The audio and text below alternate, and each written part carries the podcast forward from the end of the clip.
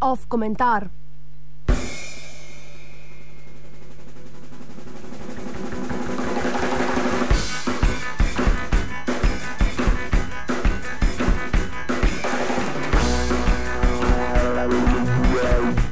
Rumeno-modra ladja se potaplja.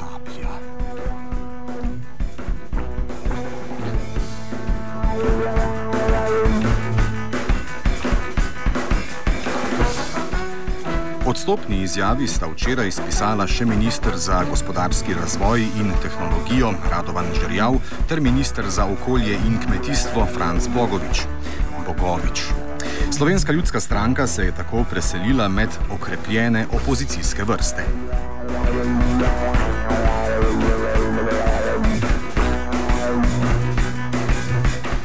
Ker pa to vrstne selitve postajajo vse bolj številčne, najprej obnovimo, kdo sploh še naseljuje potapljajočo se vladno ladjo.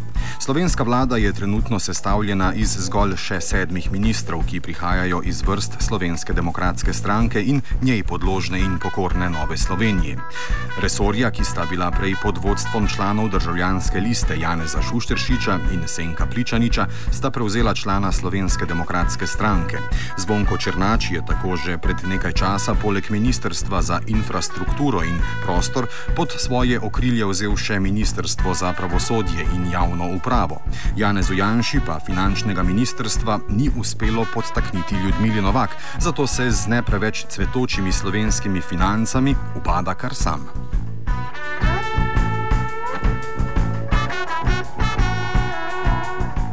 Stolček se maje tudi ministru za izobraževanje, znanost, kulturo in šport Žigi Turku, saj mu preti interpelacija, ki bo verjetno potekala v marcu.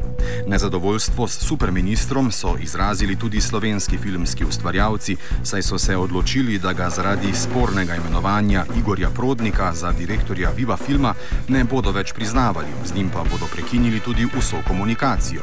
Minister Turk namreč deluje podobno kot vlada, katere del je brez posluha za dialog.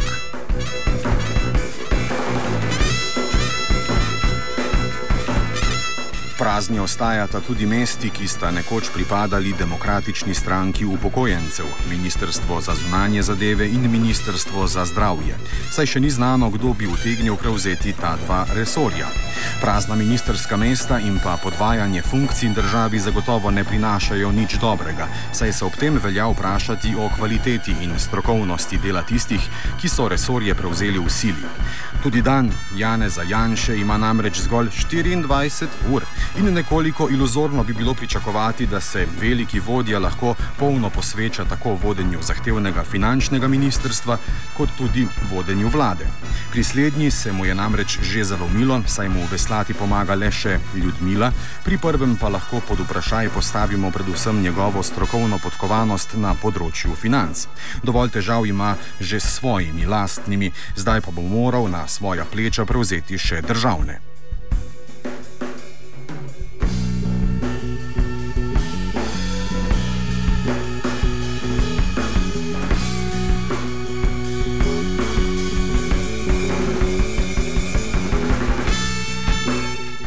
Predsednik vlade izstope iz koalicije medtem sprejema v svoji značilni kalimerovski drži, opaske pa širnemu svetu oznanja prek svojega zloglasnega Twitter profila. Odstop predsednika Slovenske ljudske stranke Radovana Žerjava je tako pokomentiral z besedami, da je vlado zapustil najslabši minister za gospodarstvo v zgodovini Slovenije. Ob tem sicer ni navedel, s čim si je prvak Slovenske ljudske stranke prislužil ta nelaskavi naziv. Žerjav pa se mu je prav tako preko Twitterja zahvalil za to oceno in mu zaželel vse dobro. Peterica koalicijskih strank je tako ostala le še dvojica. dvojica. Kapitan Janša se sicer še vedno trdno oklepa krmila, a vedno bolj se zdi, da bo moral predčasno prekiniti plovbo. Skupaj s svojo stranko z vsemi topovi strelja na tiste, ki mislijo drugače. Ti sila glasni SDS-ovi topovi jim onemogočajo, da bi slišali težave tistih, ki se utapljajo v težkih socialnih razmerah in ne zmorejo več zategovati pasu. Ne slišijo tistih, tistih, ki protestirajo na ulicah in pozivajo k drugačni politiki, ter še vedno delujejo pod geslom: Če nisi z nami, si proti nam.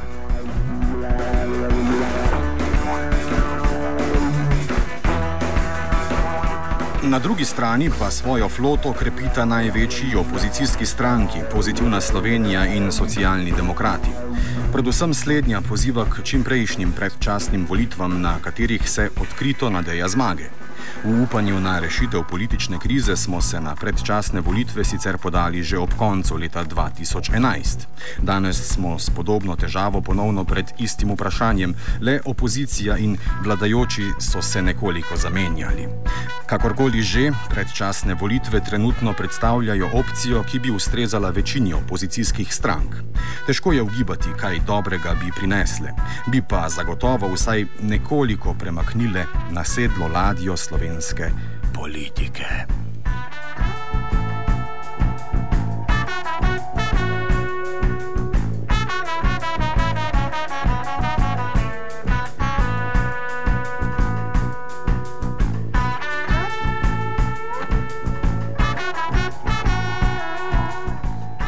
Komentar je pripravila Petra.